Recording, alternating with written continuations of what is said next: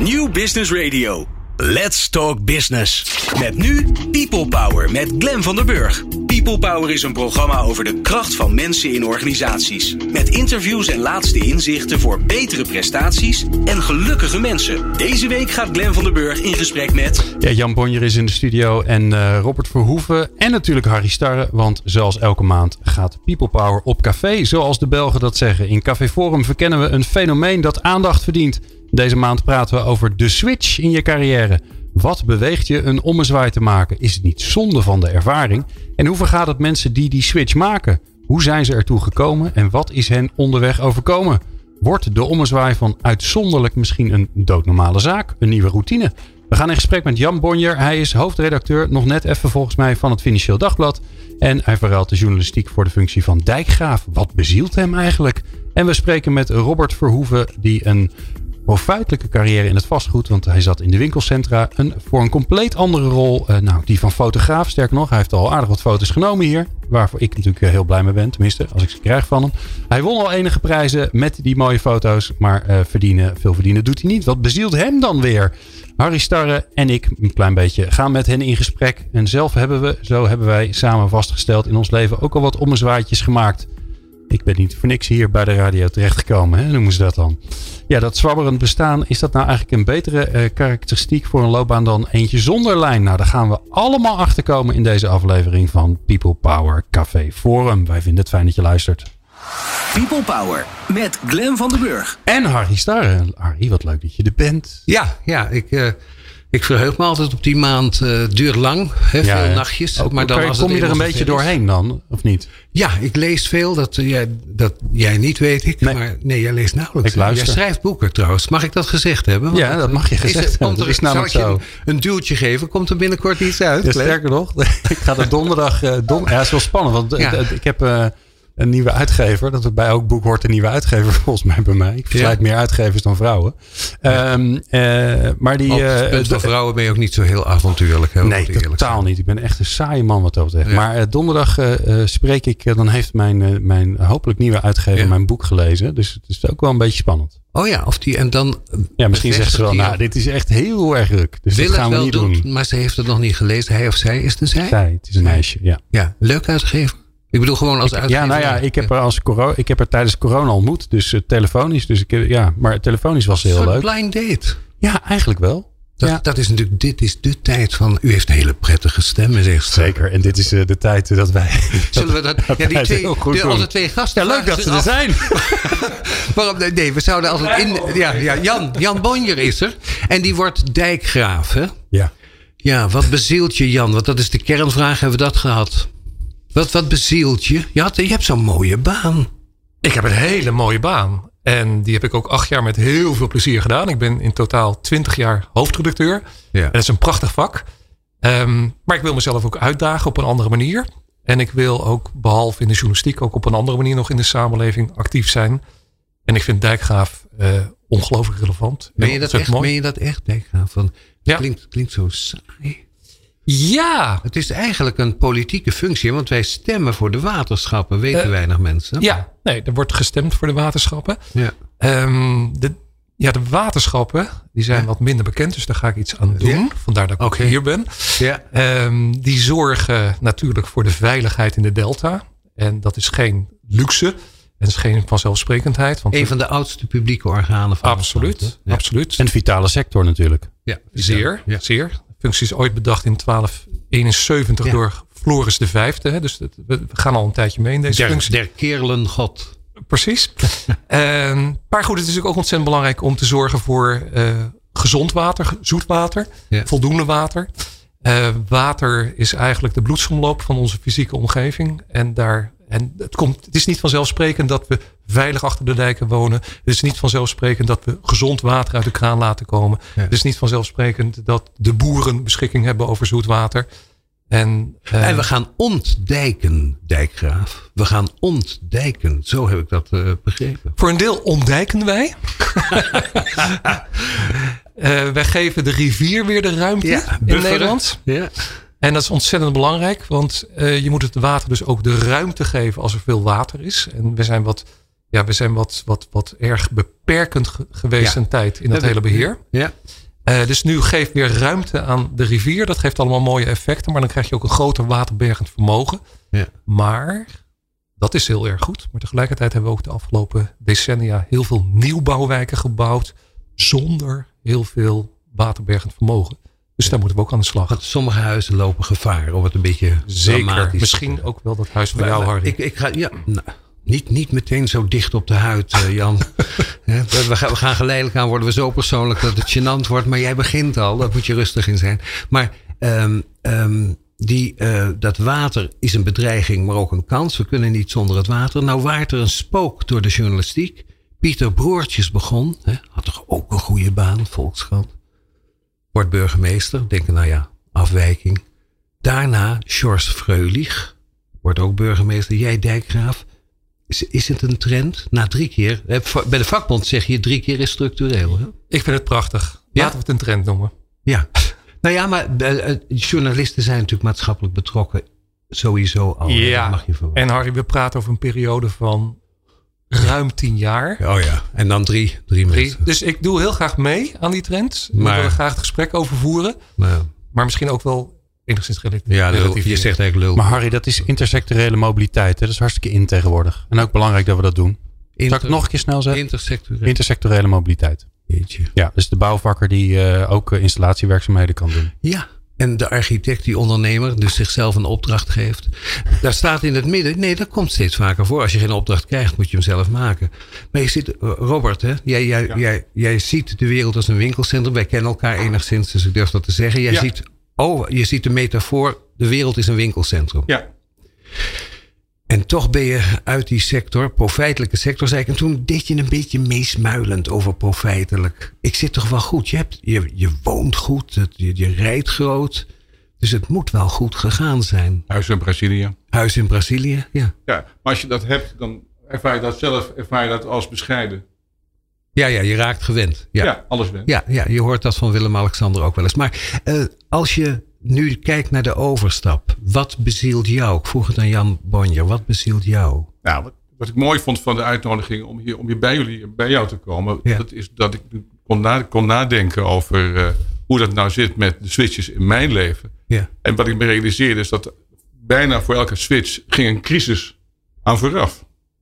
Dus, uh, dat heeft Jan verzwegen, dus dat wil ik nog naar boven halen. Dus als ik denk aan uh, maar mijn eerste crisis, bijvoorbeeld was de dood van mijn vader in 82. Ja. Toen hield mijn studietoelage hield, uh, op. Toen ben ik op het Waterloopplein tweedehands kleding gaan verkopen. Van de ene op de andere dag. Ja. Twee rentedragende studieleningen opgenomen. Dat kon nog in die, in die tijd. Ja. En ehm, in 93 was er een crisis. En tot 93 had ik detail. Je bent een man die een duwtje nodig heeft? Absoluut. Ik ben, ja. ben lui uh, van origine. Ja. Dus, als, dus zonder dus moet, je moet eigenlijk de nieuwe de kans ingeduwd worden. Absoluut, absoluut. En, en uh, uh, in 93, tot 93 was ik onderzoeker uh, detailhandel. Was er ook weer een crisis. En toen ben ik op dat moment voor onderzoeker ben ik consultant geworden in, in, in, in, detailhandel, ja. wie, winkelcentra. Wie niet, hè? Wie niet? wie niet. Ja. En de mooiste zeg maar, crisis was zeg maar, ergens rond 1999 en 2000. Ja. Was het zeg maar, een soort combinatie van uh, ontslag, een scheiding en uh, totaal liefdesverdriet. Waarvan zeg maar, het laatste eigenlijk het ergste uh, was, het meest verdrietige was. En op dat moment werd ik gedwongen om niet alleen naar buiten te kijken, wat ik tot dat moment deed, maar ook naar binnen te kijken. Ja. Als ik nou één boodschap wil meegeven zeg maar, voor dit hele programma, de crisis en de switches was die in 1999 uh, het belangrijkste. En is het eigenlijk vanaf dat moment een stuk, een stuk beter. Is Wat trof je aan toen je binnenkeek? Nou ja, een pijloze diepte. En een hele grote angst dat ik het niet uh, zeg maar alleen zou, zou kunnen bolwerken. En, Altijd dat, voor een baas gewerkt? Nooit voor. Nee. nee? Altijd, nee, nee, nee. nee, mijn vader had mij geleerd dat, dat zeg maar, werken voor een baas dat dat niet zeg maar dat dat tot narigheid en depressie uh, kon leiden, zoals ik dat bij hem heb uh, gezien. Dus ik ben uh, in mijn leven heb ik zeg maar opgerekt vijf jaar voor een baas gewerkt. En van dus de drie dienstverbanden was ik drie, in twee in ieder geval de baas. En die hebben ook tot zeg maar rechtszaken geleid. en, dus, de bedoeling was eigenlijk dat wij hier een vrolijk... Nou, ja, maar het is, het is... In de kern toch vrolijk? Ja, in de kern vrolijk. Het is, het is, het is, sprake, is uiteindelijk, als je de lijn doortrekt... hele grote vooruitgangen. En, en zeg maar vanaf, uh, nou, zoals, as, we speak... dit is mijn beste tijd. En wat was de afweging om fotograaf te worden? Wanneer wist je het? Ja. Wat, wat deed je? Wat gebeurde er? Ja. Als, ik, als je terugkijkt naar mijn leven, belangrijk moment is op mijn zeventiende. Ik zeg, bij mannen is het zo, de dromen op hun zeventiende daar moet je je succes in je leven aan afmeten. In hoeverre dat is gelukt of niet. Is mijn, is mijn persoonlijke hypothese. En wat ik graag wilde op mijn zeventiende was uh, de wijde wereld in. Ja. Waarom dat was, weet ik niet. Maar dat was een hele grote wens. En uh, bepalend voor veel keuzes die ik heb uh, gemaakt. En voordat ik fotograaf werd, ben ik een aantal jaren ben ik, Brazilië-specialist geweest. Hielp, zeg maar. Dat stelde geen fluit voor. Ja. Mijn, mijn, mijn vrouw... Eén koning natuurlijk. Eén oogkoning. Wie weet er wat van Brazilië. Het was, het was de opkomst van Brazilië. Maar wat daar natuurlijk onder was, was de wens om in het buitenland te wonen en te werken. Daar te leven, in Brazilië te zijn. Ik had niet, het, toeval had niet beter kunnen uh, besluiten dat, dat te doen. Dus economisch en financieel hè, stelde dat helemaal niets voor. Maar het was wel geweldig om daar te zijn. Ja. nou het antwoord op jouw vraag. Toen kwam in omstreeks 2015 kwam uh, de crisis die sloeg toen in Brazilië, sloeg die uh, toen na zeg maar eh, wat hoogtijjaren, waarin die belofte ingevuld zou worden. En toen is, ja, toen, is, toen, toen ben ik gaan onderzoeken of het zin had om uh, wellicht, zeg maar, fotografie, wat ik al heel erg lang deed. Want je hebt het serieus gedaan, je hebt een opleiding gevolgd, toch? Ik ben zeg maar, een, ik, nou, ik ben naar de fotoacademie gegaan en ik heb aan een vriend of kennis heb ik gevraagd of het zin had om uh, een aantal jaren die opleiding uh, te doen. Ja, kijk eens naar mijn werk, heb je gezegd. En toen, nou, ik zei, kijk eens, naar, kijk eens naar mijn foto's. En hij zei, ik zal eens naar jouw werk uh, kijken. Zo, zo, zo ging het. En, dat heet geen foto's, dat, dat heet, werk. dat heet werk. en en, en dus ik was wat, wat, wat, wat gegeneerd en bescheiden over dat werk. En hij keek over in die boeken. Yeah. En hij zei eigenlijk heel weinig. Maar hij zei, ja, eigenlijk kun je al fotograferen. Je, je, kan wat workshops, je kan wat, dat, dat soort van dingen kan je, kan je doen. En, uh, Doet een beetje aan schrijven, denk ik. Soms kan je het al, maar dan heeft het toch wel zin om nog even. Nou, het is interessant als, die ander, als iemand anders dan zegt van, ja. uh, goh, uh, zit wel wat in. Zit wel wat in. En toen, ik moet zeggen, en toen ben ik, ben ik met dat gaan doen. Heb toen een prijs, uh, een eerste prijs gewonnen tot mijn grote uh, verbazing. Jongen van 17 krijgt prijs. Jongen van 17 krijgt, uh, krijgt prijs. Ik heb de volgende dag heb ik visitekaartjes laten drukken. En vanaf dat moment heb ik gezegd, ik ben fotograaf. Ja. Nou, dat is het antwoord. Dat is het antwoord. En nou ga ik naar Jan, hè, want jij zat te glunderen bij dat 17 jaar. Jan dacht natuurlijk op zijn 17, ik wil dijkgraaf worden. Nee. ja, als je een jongetje van 17 aantreft die dijkgraaf wil worden... Dan nou, die weet wat het is. Dat is al heel wat. Ja. Uh, maar Jan, jij zat te glunderen. Hè? Toen 17 jaar. Dat, ja, nou kijk, ik denk... Bij mij was het in de journalistiek dat dat al op de basisschool was. Ja, schoolkrant. Absoluut. Ik ben helemaal dat prototype met krantjes uh, ja. maken, met uh, carbon doorslagen enzovoort enzovoort. Um, en op mijn zeventiende schreef ik dus ook. En ik, ja. ik heb altijd geschreven. Um, maar goed, dat is wel een liefde. Ik heb ook wel het idee um, dat je. Nou, ik, ik, heb het idee dat je daarna op de universiteit nog meer gevormd wordt. Hè? Dus op ja. je zeventiende is natuurlijk wel heel veel aanwezig. Maar die vorming, die vindt daarna ook nog plaats. En uiteindelijk is het ook mooi om in je leven diverse cycli te hebben. Want je hebt meer kranten gedaan, hè? Toch? Ja, ja, ja, ja, ja. Maar goed, ik heb veel. Ja, goed, ik heb, ben ook zeven jaar uit de journalistiek geweest in de natuurbescherming. Dus zit bij mij ook wel een zekere okay. cyclisch in. Ik, ga weer, ik mag weer naar buiten. Dat is ook wel lekker. Ja, nieuwe mensen, nieuwe dingen. Ja, absoluut. Waar, waar word je eigenlijk dijkgraaf? Waar? Waar? Welk gebied? Hollandse Delta. Dat zijn alle Zuid-Hollandse eilanden. En dat is de haven van Rotterdam. Dus dat is het uitstroomgebied van uh, ja, de Rijn en Jan, Maas. ik wil het feest niet bederven, maar het klinkt naar veel vergaderen. Veel vergaderen. Net Met veel mensen in het hoofdredacteurschap, Harry. Ja? Dus oh ja, gaat van de regen in de drup, hoor ik dat? Nou ja, kijk, nee, maar het mooie is, je maakt zelf je functie ook. Uh, ah, ja. Aan een aantal dingen moet je natuurlijk uh, moet je wel mee. Ja. Maar ik was wel van plan om ook mijn eigen ruimte en mogelijkheden je te creëren. Je gaat het invullen op je eigen manier. Heb je Absoluut. met collega Dijkgraven, heb, heb je georiënteerd? Ja, ja, ja, ja. ja. ja. Uitgebreid met de koning gesproken natuurlijk. Nee, dat komt helemaal goed. ja, is het bij Koninklijk Besluit? Zeker, ja. De, de, de koning benoemd. Dat is een rechtspositie, daar lik je je vingers om Mark Rutte te zes jaar bij af. Nee, je bent echt afgezand van de koning. Dus, ja. Uh, ja. Ja, mooi. En, en mooi voor en eervol. Gezant. Ja. Zes jaar. Oh, het zijn termijnen van zes jaar Ja. en dan eventueel herbenoeming. En je mag tot je zeventigste doorgaan. Oh, dat is ook nog en mooi. volgens mij heeft Donner ook gezegd toen hij wegging als vicepresident van de Ja. Raad van State. Dat je dat ook nog juridisch kunt aanvechten. Ja, het is leeftijdsdiscriminatie. Daarom. toch? Ik vind het jammer dat Donner dat niet gedaan heeft, maar dan moet ik het maar doen. Ja, nou, er is een rechter, hè, de Alters, die heeft het aangevochten. Ik weet niet hoe dat afgelopen is, ik ken hem toevallig. Ik ga even terug naar, en dan kijk ik even naar Glenn. Eh, die ommezwaai, die heeft een context. Dus mensen in je omgeving, je vader in je beeld, want die is vaak overleden.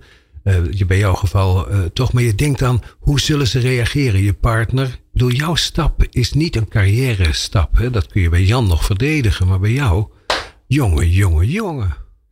Dat is, ja, dat is waar, maar het is, het is, wel, het is wel afgezet tegen eh, de, de, de crisis van, Oh, van ja. 2000. Eh, hè, dus het, het pijnloos diepe gat. Is het zeg maar wel een, een aansluiting op mijn, eh, op mijn diepste drijfveren. Het helpt wel dat het gewoon heel slecht in een sector gaat. Dan word je in zekere zin geholpen om een nieuwe keuze te maken. Ik, ik, sterker nog, ik, ik voel mij bijzonder thuis onder slechte omstandigheden. Ja? Onder, ik, on- ik floreer in slechte omstandigheden. Ik weet dat je onbeschaamd bent erover. Wat was jouw eh, bruto eh, inkomen in het afgelopen jaar? Een beetje, zeg het eens. Nou, als ik iets moet noemen, zou ik bijvoorbeeld zeggen 7.000, 8.000 euro. Ja. Hè, of een, of een, Wat in de culturele sector veel meer gebeurt dan we denken. Hè? 10, 12. Ik zei, ik zei tegen een. eh, ik heb nieuwe vrienden, fotografen, eh, vrienden, creatieve vrienden. Als ze tegen mij kunnen, dat ik dat erbij eh, eh, zeg, als wij verdragen. En ik zei, ik zei tegen, tegen een hele goede vriend, nou, ik ga niet zijn naam noemen, maar, Ja. Maar ik zei tegen eh, ik zei, Henk, vanaf, vanaf, dit, vanaf dit jaar wil ik ook wat, eh, niet alleen prijzen winnen, wil ik ook wat gaan eh, verdienen. Ik had gedacht, eh, jaar 1, eh 50.000 euro. En die hele goede fotografenvriend, eh, die echt beroemd is en al zijn hele leven fotografeert. En, en, Ja. en nou ja, je, raakt iets tragisch. Grand, grandioze, grandioze man. Die zei tegen mij: eh Goh, Robert, ik hoop dat ik dit jaar de 20.000 mag aantikken. Eh, het was feedback 1. En de andere, toen ik dat aan, aan een vriend eh, vertelde, die zei: van, Goh, Robert, heb je al de gelofte van armoede getekend? en ik moest, daar moest ik wel om lachen. En ik moet zeggen wat mijn, wat mijn serieuze gedachte daarbij eh, is. En, dan, en dat houd ik nog steeds staande. Ondanks die, Ja. die 7.000, 8.000 euro van, eh, van vorig jaar. Als ik ze al gehaald eh, eh, heb. eh, is deze gedachte. Ik kan me niet voorstellen. In een, in een, in een tijd waarin beeld zo bepalend eh, is. Dat je daar geen, hè, ook stilstaand beeld. Dat je daar geen geld mee zou kunnen Maar verdienen. we dat, denken allemaal- dat is mijn stelling. Jouw tragiek van jouw vak is dat we allemaal denken fotograaf te zijn. Hè? Toch? Eh, dat is natuurlijk prachtig. Dat is, een demo, dat is, dat is een van de grote democratiseringen die de wereld heeft, eh, heeft doorgemaakt. Ik hoor van, van fotografen die in een andere tak zitten, hè, van bruiloft enzovoort, dat die dan moeten offreren tegen onze neef die het eventueel ook graag zou doen. Robert- je toch helemaal terug. Die heeft een hasselblad. En die heeft een hasselblad. Ja. Robert, die, of die, Robert wil, jij, wil jij zeg maar volgende week een, eh, de verjaardag van eh, die en die, die Ja. wordt dus 60. Mag je gratis mee? We gaan het, we gaan het, eh, we gaan, we gaan- gaan het, het, wordt een fantastisch, het wordt een fantastisch weekend. Kosten nog moeite eh, worden, eh, worden gespaard. En, en door iedereen fotografeert. Maar wil jij dan de avond doen? Want we hebben gezien dat jij dat Grachtenfestival schitterend fotografeert. En het is dan van 7, van 7 uur s'avonds tot 1 uur eh, s s'nachts. Dan moet je nog wat bewerken. Ja. Ik zei tegen die vriendin die, die mij naar voren had geschoven. Ik zeg, god ja, wat is nou, wat is redelijk? Hè? Is, is zeg maar, als ik nou zeg 450 euro ex-BTW, als het al... Is, is, is dat eh, wat? En zij zegt, ik vind het weinig, maar alleszins eh, redelijk. En een paar dagen later kwam de uitslag en je, je, je voelt hem Ja, al dat oom Harry of oom Glenn... Wil ook graag. Is, eh, die, die, die, die, die deed het met liefde en, en gratis. Ja. dus, dus, dus dat klopt wat je zegt. ja, Jan, jij bent, jij bent opdrachtgever, hè? Toch? Ja. En, en je, en je, hebt de, de, jij kent die wereld als opdrachtgever. Jij werkt veel met freelancers. Hoe kijk je tegen die ontwikkeling van dat freelancen? Want er is veel kritiek in die wereld op het established Ja, media. en dat begrijp ik ook wel. Ja. Kijk, we hebben natuurlijk door de hele technologische ontwikkeling een situatie waarin iedereen journalist is, iedereen is verslaggever, Iedereen via wil een social in media, de krant. iedereen is fotograaf. Dus aan de ene kant is dat heel erg mooi, maar aan de andere kant heeft dat ook gewoon echt voor disruptie in een bepaalde beroepsgroep gezorgd. We- Zeker de beroepsgroep van de fotografen. Ehm, het FD is een fatsoenlijke en ook een fatsoenlijk eh, stevige krant. Dus eh, wij werken zeker met freelancers, maar niet krankzinnig veel. Ja. We hebben ook nog echt geïnvesteerd in een redactie van vaste redacteuren. Dus we hebben een flexibele schil, zoals je dat zo mooi heet. Maar je wil een degelijke krant zijn. Ja, dus ik geloof ook heel erg, zeker waar het gaat over de verslaggeving, maar ook de creatieve tak uh, dat het belangrijk is om op diezelfde redactievloer te werken. Ja. Uh, met elkaar, uh, elkaar een beetje gek te maken. In een de gemeenschap te Absoluut, absoluut. Ja. ja. En daarmee, daarmee bepaal je en vorm je ook het DNA van een medium. Dus je moet altijd een hele belangrijke. Ik geloof dus niet in de rompredactie, hè, dat vreselijk nee, woord. Maar je, je, moet een cultuur scheppen. Een, een, krant is een meneer, zei ze vroeger. Hè? Nou ja, en ook echt de checks en de balances op een redactie. Jong, oud, man, vrouw, verschillende ja eh, etnische achtergronden. Maar goed, wij werken ook bij het Financieel Dagblad met freelancers die wij fatsoenlijk betalen. Ja. En dat wat neem, wat neem je, een bruggetje, want we, er komt een korte switch om de term te maar te gebruiken. Wat neem je mee naar, wat maakt, tijdens de sollicitatie zeiden ze vast tegen je, ja, wat heeft het met elkaar te maken? En toen had jij daar een verhaal op natuurlijk. Wat, het oude met het nieuwe van doen heeft. Ga ik ook nog aan uh, Robert vragen laten. Ja, nou ja, ik denk als hoofdredacteur is je persoonlijkheid heel erg belangrijk op een redactie. Natuurlijk ook je ja. journalistieke vakmatigheid. En ik denk dat ik bij het waterschap ook op mijn persoonlijkheid ben uitgekozen. Ja, dus wie je bent en dan geef je zelf vorm en inhoud aan die functie. Zeker, zeker. Hoef je niet zo de ander na te doen die voor je was? Bijna niet, hè? juist niet vaak. Mm, nee, nee. Kijk, in, Functieomschrijving bijna nul, hè, denk ik. Nou ja, die functieomschrijving is er. Want je hebt een paar wettelijke taken. Wel belangrijk om daar even op te letten. En daar kan de samenleving je aan houden. Maar goed, wat de hele coronacrisis ook ons leert, is dat het leiderschap ook dan belangrijk is. En dat je dat heel erg persoonlijk moet invullen en moet toespitsen. Je bent naar India geweest, herinner ik me eens. Um, is dat zo? Heb ik dat nou goed onthouden? IMD? I, IMD Lausanne. Lausanne is voor mij de, de mooie bakermat. Waar ik ook, nou ja, nee, maar waar ik ook echt. En dat is prachtig als je een week de kans krijgt voor reflectie op jezelf. Ja. En op je pro's en je cons. Heeft je misschien meegeholpen dit aan te pakken? Zeer. Ja, zeer. Ja, ja. Ik kijk naar Glenn. Ja, en ik uh, kijk naar deze drie heren. En ik besef mij dat we de volgende keer weer een dame aan tafel moeten halen, hè, Harry? Ja, ja, je kijkt me nou aan alsof... Dat is jouw schuld. Het is iets uit mijn jeugd wat nu geraakt wordt. Ja, ja doet het pijn? Nou, daar gaan we het zo even over hebben. Ja. We praten zo verder met uh, Robert Verhoeven en uh, Jan Ponja. En waar ik wel zo benieuwd naar ben, want volgens mij hebben we het nog een beetje gemist bij, bij Jan, is waarom? Wanneer, wanneer was het moment dat je dacht, ja, het is tijd voor wat anders? People Power op Nieuw Business Radio. Ja, natuurlijk luister ik naar People Power. En heus niet alleen om mijn eigen programma People Power Change.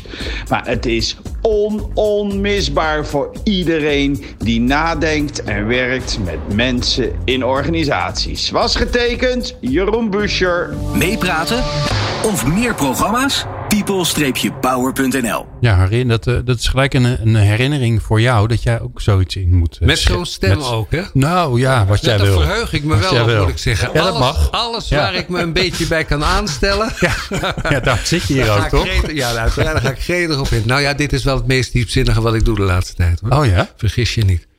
Uh, Jan, Jan we, ik, we, we, zeiden het in de pauze. Pauze praten we altijd door, dat is het leuke. Maar uh, we hadden het over van wanneer weet je dat je de stap gaat zetten? Wanneer uh, ontstaat zo'n besluit?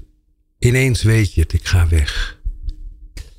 Ja, het waren bij mij twee dingen die speelden. Um, in sommige hoofdredacteurschappen word je benoemd voor een bepaalde periode. Nou, bij het Financiële Dagblad is dat voor een periode van vier jaar. Nee.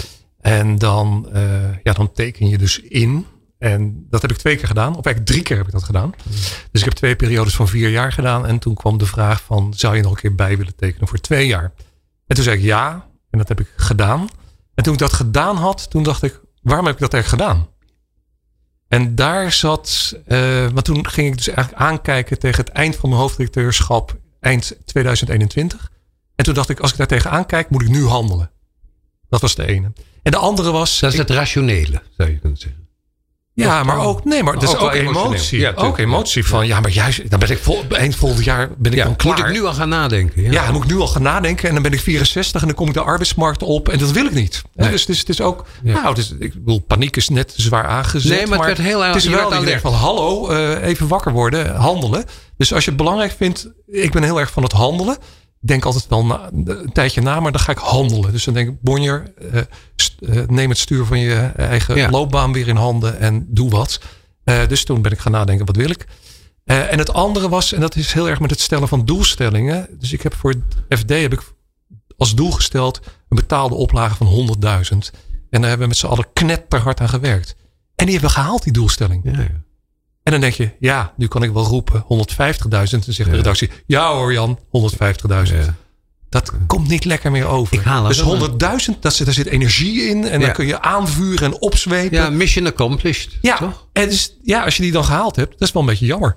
Dat is wel grappig. Zou dat nou voor iedereen helpen? Om te zeggen, weet je, ik ga, je bent voor vier jaar ja, aangesteld. Het is een management tip. Ja, toch? Ik vind dat heel slim, want dan word je gedwongen om na te denken. Oh, die periode is bijna voorbij. Wat ga ik dan eigenlijk doen? Wil ik eigenlijk wel door? Twee keer vier jaar. Al die dingen waar ik in toezichthoudende rollen zit, gaan altijd over dat soort dingen. En nou haal ik er een tip uit. Je zou eigenlijk met iemand dan, als je zegt, nou willen we dat hij gaat nadenken over de toekomst, kunnen wij het ook gaan doen? Dat je dan eens zegt, een halve termijn is een aardige manier om tegen elkaar te zeggen: jij gaat je prepareren. Wij, want dat doen zij ook natuurlijk. Die toezichthouders gaan ook nadenken. Absoluut. Ja. Dus die zijn ook al aan het kijken: wat, hoe doen we het dan na Jan Bonjer? Dat, dat wordt meestal niet zo uitgesproken, wordt natuurlijk wel besproken hoor. Ja, en dat moet ook. Hoe, hoe gaan we dit daarna doen? En dat, uh, maar hoe zit het dan? Jij, Robert, jij maakt het heel. Bij jou is het veel persoonlijker lijkt dan bij Jan Bonjer. Hè? Bij jou is het toch echt van wat in mijn leven gebeurt, bepaalt waar ik heen ga. Nou ja, het is, het is nogmaals, het is terug te voeren, vind ik, denk ik. Dat is mijn, dat is mijn, mijn verhaal voor mijzelf. Mijn identiteit, zou je kunnen zeggen, is die, die, die droom als 17-jarige. Ik wilde de wijde wereld in en ik was heel nieuwsgierig en ik wilde misschien ook wel professor worden. Dan denk ik daarover, over dat professor worden, denk ik van goh, het ging misschien meer over het aanzien en de prestige dan nou dat ik zeg maar wilde buffelen om iets specifieks eh, te onderzoeken. Maar die nieuwsgierigheid, die is er zeker. En in die zin is, is dus de fotograferen is volstrekt in lijn met die droom. Het ontmoeten van mensen, de wijde wereld in. En heel nieuwsgierig het zijn. Het klopt heel erg. Dat is eigenlijk wat je zegt. Ik, mijn, het is mijn ambitie om. Het klinkt erg ambitieus. Maar ik, voor mezelf formuleer ik het zo. Ik fotografeer de ziel. Daarvoor ga ik op pad. En voor minder doe ik het niet. Het heeft met omzet geen flikker te maken. Dus mijn, wat ik aan het doen ben, wat andere mensen vinden, die prijzen. Natuurlijk streelt mij dat en ik vind dat, ik vind dat prachtig. Maar de kern is mijn eigen kippenvel, mijn eigen vragen. Wie inspireert jou? Wie, waar haal je... Want je, je kijkt vak naar vak. Je kijkt vast naar vakgenoten. Nou ja, gisteren keek ik, heb ik iets opgestuurd van bijvoorbeeld Salgado. Dus de Braziliaan ja, ja, eh, prachtig, uh, Genesis. En, en, en wat ik heel interessant vind van hem. En dat bedacht ik me gisteren nog. Dat veel van dat soort fotografen, die hebben daarvoor, hij, bijvoorbeeld, hij is een econoom, economie gestudeerd, ja. is pas later gaan fotograferen. Dus ik ben politieke wetenschappen gaan studeren. Ja. En ik ben, dat vastgoed, dat vastgoed heb ik, eh, zeg maar, dat dat zo dan noemen, gedaan. En uiteindelijk ben ik pas later gaan uh, fotograferen. Maar dat helpt mij enorm. Ik denk trouwens dat dat beter lukt met fotografie dan met schilderen. Stel ik me zo voor. Dus dat dit ook, dat de fotografie ook wel een vak is wat wat je kunt voorbereiden door mee te maken en te kijken en dan te fotograferen. Schilderen lijkt me iets wat zo ambachtelijk is. Ik denk dat veel fotografen op dat punt zullen zeggen dat het fotograferen. Uh, ja, je moet toch die 10.000 uur moet je draaien. Hè? Dus er, zit, er zit een hele technische kant zit daar uh, aan. Dus vandaar dat ik, dat ik, elk jaar nog die opleiding uh, doe, die cursussen doe, die workshops doe. En ik hoop dat, hè, dus mezelf blijven ontwikkelen, blijven studeren. Dus zit ik überhaupt zit ik in, het, in het spelletje. Uh, en ik, ik kom daar, ik, op dat vlak kom ik zeker kom ik tekort. Vergeleken bij mensen die, die 10, 20, 30 jaar dat, dat, dat vak doen. En die techniek eh, beheersen en die opleidingen hebben gedaan. Weet je wat de tragiek is? Ik ben een amateur en ik zie het niet. Vind je dat niet vreselijk? Jij ziet het wel, ik zie het niet. Ik vind het al zo goed van jou dat ik denk, jongens, stoppen, je bent er. Dat vind ik geweldig om te horen. Laat ik dat ervan zeggen. Ja, maar je weet wel beter. Ik weet het niet, uh, Arie. Het is, het is, het is, ik, ik zei twee weken geleden belde ik een iemand die mij les geeft, belde ik op. Ik zeg van, goh, Nico, Nico Brons. Ontzettende goede fotograaf, leuke vent. Ik zei, Nico, ik ben zo ontzettend onzeker over wat ik hier aan het doen ben. En hij zei, dat vond ik wel mooi. Robert, op het moment dat je die onzekerheid niet meer hebt... Moet je stoppen. Dan, moet je stoppen. Ja, dat zeggen ze over acteurs ook. Als, als die eh, vrolijk de, de bühne opgaan zonder enige angst, moeten ze stoppen. Ja. Ja. Alleen Jongewaard, die was van al zijn angst af. Die ging naar de psychoanalyticus, raakte van al zijn angst af. En toen zei ze, waarom speel je niet meer? Toen zei hij, hoeft niet. Hoeft niet meer. wat ga, wat ga, is er iets wat jij zou kunnen gaan doen hierna? Of zit je in de laatste fase? Ja, klinkt zo dramatisch. Nou, ik heb heel erg lang gedacht dat ik uh, uh, 60 zou worden. Ja. Dus ik leef al in uh, reserve, reserve, in reservetijd, de bonustijd. Maar ik heb twee jaar geleden gezegd dat ik 100 word. Ja. Dus ik ben zeg maar ergens op. op maar zou een switch nog denkbaar zijn? Is er een verleiding in aantocht denkbaar? Nee, maar als je, als je het me zo vraagt, is het enige wat ik me kan voorstellen film. Film, oh ja, bewegend beeld. Ja. Ja, film. Hey, maar... De Anton Corbijn, hè? Dan zit je in de sfeer van Anton Corbijn. Grote fan. Ja, jij bent, ja, dat zie ik in je werk. Mag ik dat zeggen? Dat is waar, hè? Ja. Dat kun je zien, vind ik. En Robert, hoe, hoe reageert je om, omgeving nou op, op je? Ja, dat want, want je, je, gaat van het een naar het ander. En, en het, het, betekent ook dat je je identiteit, of in ieder geval wat mensen denken dat je bent, dat dat verandert. En daar gaan ze op reageren, zou ik dan zeggen. Uh, nou moet ik zeggen dat bijvoorbeeld mensen die mij goed kennen, die zeggen bijvoorbeeld dat de constante in mijn leven is verandering. Dus dat is over het zwabberen. Ja, ja. Uh, maar ten aanzien van de, van de fotografie heb ik eigenlijk alleen maar uh, hele, ja, hoe moet je dat zeggen, wel heel veel complimenten. En, en ja, dat klinkt een beetje, maar dat is, dat, zo is het. Mensen vinden dat, veel mensen vinden het heel erg mooi. Ja. En vinden het moedig. Veel waardering, geen geld, hè? En dat, ja, dat is, dat is natuurlijk, dat vinden mensen prachtig. ze gunnen het je. Ja, ja, ja. ondertussen, ze gunnen mij de armoede. Ja. Ondertussen denken ze, nou, goh, wat knap van hem. Ja, wat ik, ik zou dat nooit kunnen. Ja. Ja. Nou ja, is er veel verlangen dat niet verwezenlijk wordt? Ben jij misschien een totempaal voor anderen? Oh, als ik dat eens zou durven.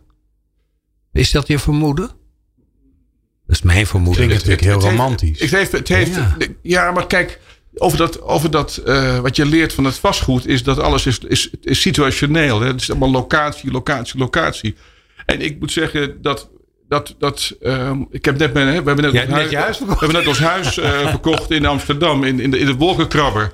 Voor een krankzinnig bedrag. Voor een krankzinnig bedrag. we hebben dat, dat, dat huis in Brazilië, wat veel minder bijzonder is dan mensen denken. Omdat pensioen, als ondernemer is dat gewoon pensioengeld. En met die, met die fluctuerende real ja. is ook dat is, is relatief. Dus ik ben dus die romantische fotograaf met, met die verdiensten van die 7 mil van vorig ja, jaar. Maar je kunt wel rekenen. Ben een heel hard werkende, dat ik dat vooral mocht ze luisteren zeggen, met een heel hard werkende uh, vrouw. Dus heeft heel veel kwaliteit. En een daarvan is dat ze heel graag heel erg hard werkt. Ja. En onder die omstandigheden kan je romanticus uh, ja. zijn. Als dus duo kan je het aan. Uh, ja, het, als duo kan je het aan. En dus die, die, die romantiek die wordt gezien van god dat jij dat durft, is, is heel beperkt. beperkt. Ja, je, heel beperkt. Je, je, rekent je risico's wel na. Hè? Je bent niet achterlijk. Je zou wel moeten. Ja, dat heb je natuurlijk ook geleerd in de vorige fase. Ja. Bij, bij mij zeggen mensen, goh, wat leuk dat radio maken, hartstikke leuk. Ja. Waar verdien je dan je geld mee? Wat doe je dan? ja. Ik, ja. Uh, radio maken. ja, van, nou, dat, dat, is zo leuk, dat kan, dat kan niet iets oh, opleveren. Ja, ik moet oppassen voor ijdelheid. Maar ik weet nog, in de baak liep ik de trap al uit het toilet. Er komt iemand me tegemoet en die zegt... Meneer ik wil u toch echt even complimenteren. Ik heb nog nooit zo'n goed verhaal over management gehoord... van een hotelmanager. kijk, kijk, en dan weet je gewoon weer waar je voor staat natuurlijk. Ja, ja, ja, ja dat is gewoon kamerverhuurder, toch? Ja, ja. Is maar net hoe je kijkt. Dat is natuurlijk voor hoofdredacteur ook. Hè? Wat, wat weten mensen niet van die rol die er toch wel is? Wat is het vergeten aspect? Wat denkt de buitenwereld? Uh, want we, over ambassadeurs denken we recepties. Wat denken ze bij hoofdredacteur? Wat is het veel behoorde misverstand, Jan?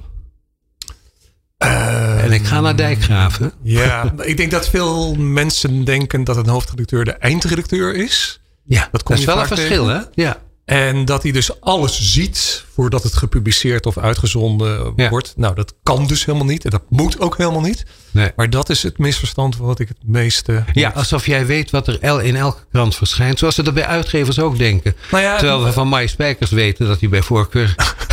Nee, maar dat, dat, is nou juist het mooie in een professionele organisatie. Dat mensen ja. je opzoeken als ze willen sparren over dat verhaal. Oh, en dat, dat is je echte rol. En dan, en, en dat, dat gaat dus heel erg over die samenwerking, dat gaat heel erg over die community, dat gaat heel erg over die redactievloer. Dat je dus collega's opzoekt om te sparren, omdat je het beter wil maken, omdat je onzeker bent ergens over. En dat je ook in laatste instantie, of in eerste instantie, je hoofdredacteur opzoekt. En van hem of haar ook verwacht een nieuw idee om verder te gaan. Met wat is jouw kracht als hoofdredacteur? Wat, wat krijg je terug? inspiratie. Inspiratie. Daar op ideeën komen, hoe je daarna kunt kijken. Dus je, je geeft als het ware de invalshoek waar niet aan gedacht is. Of de... Ja, inspiratie en groter denken. Dus dat... Een hoger niveau, net een stapje boven het, uh, het. Wat, nou moet jij vakman zijn in de, een hoofdredacteur moet toch kunnen schrijven. Absoluut. Als je geen verslaggever bent geweest, is het best lastig. Moet je dan als dijkgraaf niet ook een dijkje kunnen leggen? Dat kan ik ook wel. het is het enige goede antwoord. En ik man, die kan ook alles. Moet je er doorheen liegen? ja. Nou ja, ik ben opgegroeid met het water. Ja. Dus, uh, uh, en onderwezen in de delta werken door mijn uh, overleden vader. Oh. dus er komt de vader weer om de hoek. Uh, dus, dus je hebt die caissons, want dat vond ik zo'n mooi woord. Het leggen van de caissons. ik heb dat ook gevolgd. Ik ben echt uh, als puber uh, tegenstribbelend naar al die vreselijke werkeilanden waar het altijd koud is en waait. Meegesleurd door mijn vader. Maar ik ben hem daar intens dankbaar voor. Imposant. Hè? Ik heb het allemaal in mijn kop opgeslagen. En ik lees nu met heel veel plezier zijn boeken die ik nog heb. En waar het gewoon allemaal in staat. Ja, ik vond dat geweldig. Ik moet ook eerlijk zeggen, ik volgde ook de aanleg van de gasnet in Nederland. Ja, gekke fascinaties. Hè? Maar die technisch, ja, hoe dat een groots werk, hoe dat in het elkaar is, zit. Het is fantastisch. Delta werken vond ik geweldig ja, om Maar te dit is ook Nederland. En dit is. En ik denk dat het mooie is. We hebben natuurlijk heel lang heel veel kennis en ja. vaardigheden geëxporteerd naar Bangladesh en noem alle landen, maar die nog veel moeilijker hebben qua waterbeheer. En intussen hebben we het zelf weer heel erg hard nodig. Ja, Zowel voor die veiligheid als voor de, nou ja, zeg maar de leefbaarheid. De en als ik zeg Rutger Bregman, het water komt, heb jij gelezen? Heb ik gelezen. Ik vond dat hij het fantastisch deed. Ja? Ja. Heel Dus belangrijk dat hij. Hij helpt jou wel, hè? Wat hij doet met zo'n media presence en met zo'n personality. Uh, ik heb daar diep respect voor. En, en ik ben hem daar echt dankbaar ja, voor. als dijkgraaf krijg je een geweldige duw in de rug. Hè? Ja, dus ik vond ook zoals hij het deed bij de Wereld Draait Door. En vervolgens krijgen we dan altijd weer een beetje discussie of de cijfertjes wel kloppen. Zie je ook weer in corona. Ja. Jongens, we hebben ergens mee te maken. Zullen we even Ja. een beetje oppassen en het voorzorg. Ja, en, en elkaar de maat nemen. Dat komt later nog wel een keertje. Ja, maar achteraf weten we hoe het zit. hè? Ja. Ik ben zo benieuwd straks, eh, Harry, in het laatste blokje, waar we alweer aanbeland zijn. Ehm, wat, eh, ik wil toch altijd naar iets van wat, wat kunnen we hiermee? Ja. Dus er zijn een soort van lessen te Nou trekken. ja, hoe help je anderen Ah. bij het maken van de ommezwaai? Want de hoofdredacteur moet toch ook zien, dit heeft, deze journalist moet of een ander eh, hoek in, of een ander vak Ja, zoeken. zou misschien fotograaf moeten worden, weet Zou jij veel. ja, maar en dat je, je hebt ook een zekere verantwoordelijkheid voor product en persoon. Als het gaat om, volgt iemand nou wel het pad dat het beste voor hem is? Hè? Dus het is niet alleen inzicht in je eigen weg. Het is ook een beetje inzicht in de weg die een ander kan gaan, toch? En dat hoor je zo. People Power. Inspirerende gesprekken over de kracht van mensen in organisaties. Met Glen van der Burg. Ja, je moet je voorstellen, er zitten hier vier mannen in de studio. En we draaien tussendoor draaien we een plaatje. En dan een jingletje. Maar er wordt natuurlijk gewoon doorgepraat. Sterker nog, dat houdt maar niet op. En zelfs onze, eigenlijk onze roerganger, die liet ons compleet in de steek. Die was maar gewoon door aan het kletsen. Nou, maar ik- nu ik- heeft hij mijn aandacht. Ja, Meneer Starre. Ja, nou, ik, ik wil de luisteraar niet te veel pesten, maar de pauzes zijn het beste deel. Dus als wij even uit de lucht, als wij even uit de lucht zijn. Nou ja, Dus we moeten het eigenlijk ik ooit- omdraaien. Ik heb ooit iets mogen doen voor buitenhof. Dan zei ze ook altijd. Je moet ervoor en daarna is zo fantastisch. dus het was een soort En dat werd bij DDWD ook gezegd. Het uur voor DDWD schijnt enorm leuk te zijn. Dus dat is, nou ja, en bij een goed congres zijn de pauzes vaak ook het beste, laten we eerlijk wezen. En op school was dat zeker zo. Ehm, eh, jullie, jullie hebben eh, je verantwoordelijkheid voor je eigen weg en die kies je. Hè? En voor een deel word je gekozen. Het overkomt je, de crisis, eh, de winkelcentra. Die, dan moet je wat anders. Dus dan zijn het. maar je hebt ook een verantwoordelijkheid naar anderen. Jan, jij, jij, Ja. jij ziet een journalist en denkt: eh, als hij dit blijft doen, wordt het er niet beter van. Of. Ja, en het speelt niet alleen op een redactie. Ik denk Ja. dat je als leidinggevende, en ik zeg het een beetje cru, zo Ja. nu en dan ook je medewerkers of sommige medewerkers in een bepaalde periode uit hun comfort moet schoppen. Ja. Eh, en afha- afhankelijk van de situatie eh, doe je dat op verschillende manieren. Maar dit is ook wel de kern van coaching. En ik denk dat het echte gesprek te weinig gevoerd wordt in de meeste organisaties. Want waar ik zelf altijd echt ongelukkig van word als ik dat zie en dan probeer ik ook te handelen, is mensen die overleven in organisaties. Volgens mij zijn er veel te veel mensen die overleven. En die gaan buffelen, buffelen. Ja, en dat is dus dood en doodzonde. Dus ik ben wat dat er gaat. Ik heb heel veel gesprekken gevoerd met redacteuren. En, en ook in andere organisaties heel veel gesprekken gevoerd. Dat blijf ik ook doen. Dat ga ik ook bij het waterschap doen. En dan zeg ik heel vaak in die gesprekken: joh, er zijn eigenlijk maar drie smaakjes. Of je vindt het hier fantastisch. Ja. Of je gaat het veranderen. Of je gaat weg. Ja. En alles daartussen is gemodder. Half, half is niks. Moet je jezelf niet aandoen, moet je je omgeving niet aandoen. Dus denk daarover na. Waar zit je? Waar, en welke keuze maak je? Klinkt een beetje als half vertrouwen. Dat vind ik ook veel erger dan geen vertrouwen. Half, half zwanger. Ja. Als, ja, een beetje zwanger. Uh, gebeurde dat met jou zelf ook? Ik bedoel, herinner, heb jij nog goede herinneringen van, van dat soort gesprekken die jou zijn overkomen? Of ben je eigenlijk altijd aan het nou? Ik denk dat ik wel iemand ben die... Ehm, genoeg doet aan zelfins. Uh, ja?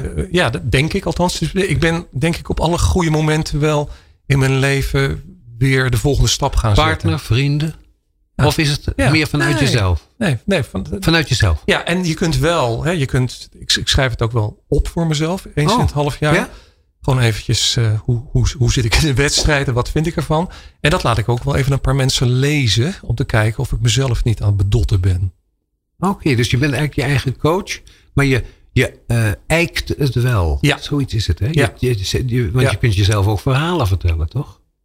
Ja, eh, ik ben er heel goed in. Je kunt jezelf heel mooi voor het lapje houden. Ja, toch? Dat, dat hoor je ook wel eens in En je kunt ook mensen kiezen met wie je een folie à deux beleeft. Hè? Dat je elkaar met, met z'n tweeën eh, jezelf voor het lapje aan het houden bent. Dus daar moet je wel doorheen breken.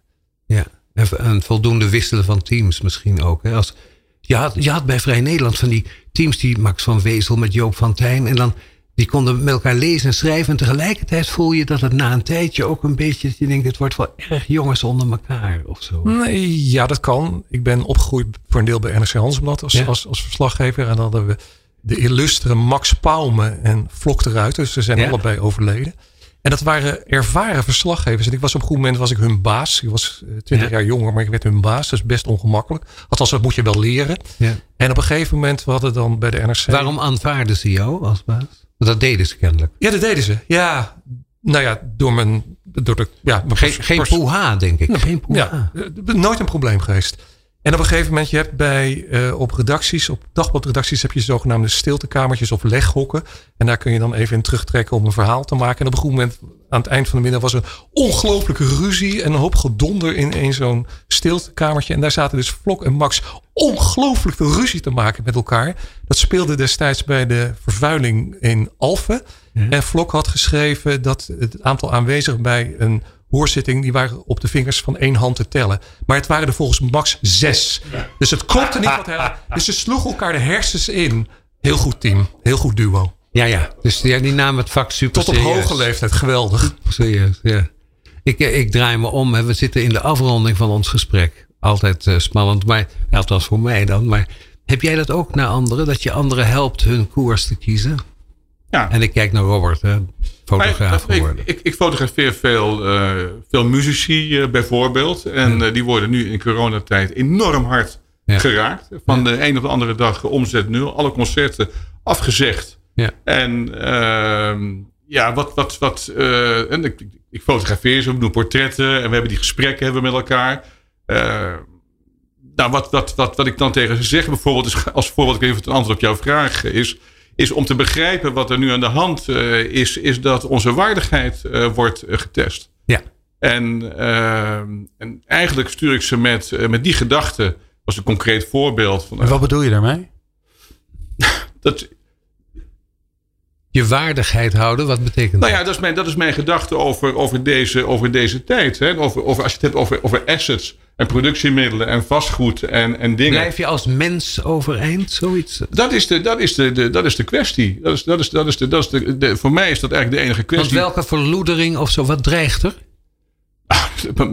wat er dreigt is een bloedbad op de korte termijn. Ja, dat we, dat we nou ja, heen gaan slaan. Dat, wat je, wat je in ieder geval, ik, was, ik kom net uit Washington bijvoorbeeld, ik kom nog net terug. Dat daar wapens worden verkocht. En, en, en, dat de mensen die ik daar spreek zich ongemakkelijk beginnen te voelen. En dat in een, in een bijzin wordt gezegd dat er, dat er wellicht op de korte termijn 100 tot 200.000 doden gaan vallen. En diegene die dat zegt, die zegt dat niet. Die zegt dat met droge ogen. Ik, ik, ik schrik mij daarvan. Ik schrik daar enorm van. Mijn gesprekspartner zegt dan van ja, dat moet je, uh, je moet naar de statistieken kijken. Amerika is een heel groot land.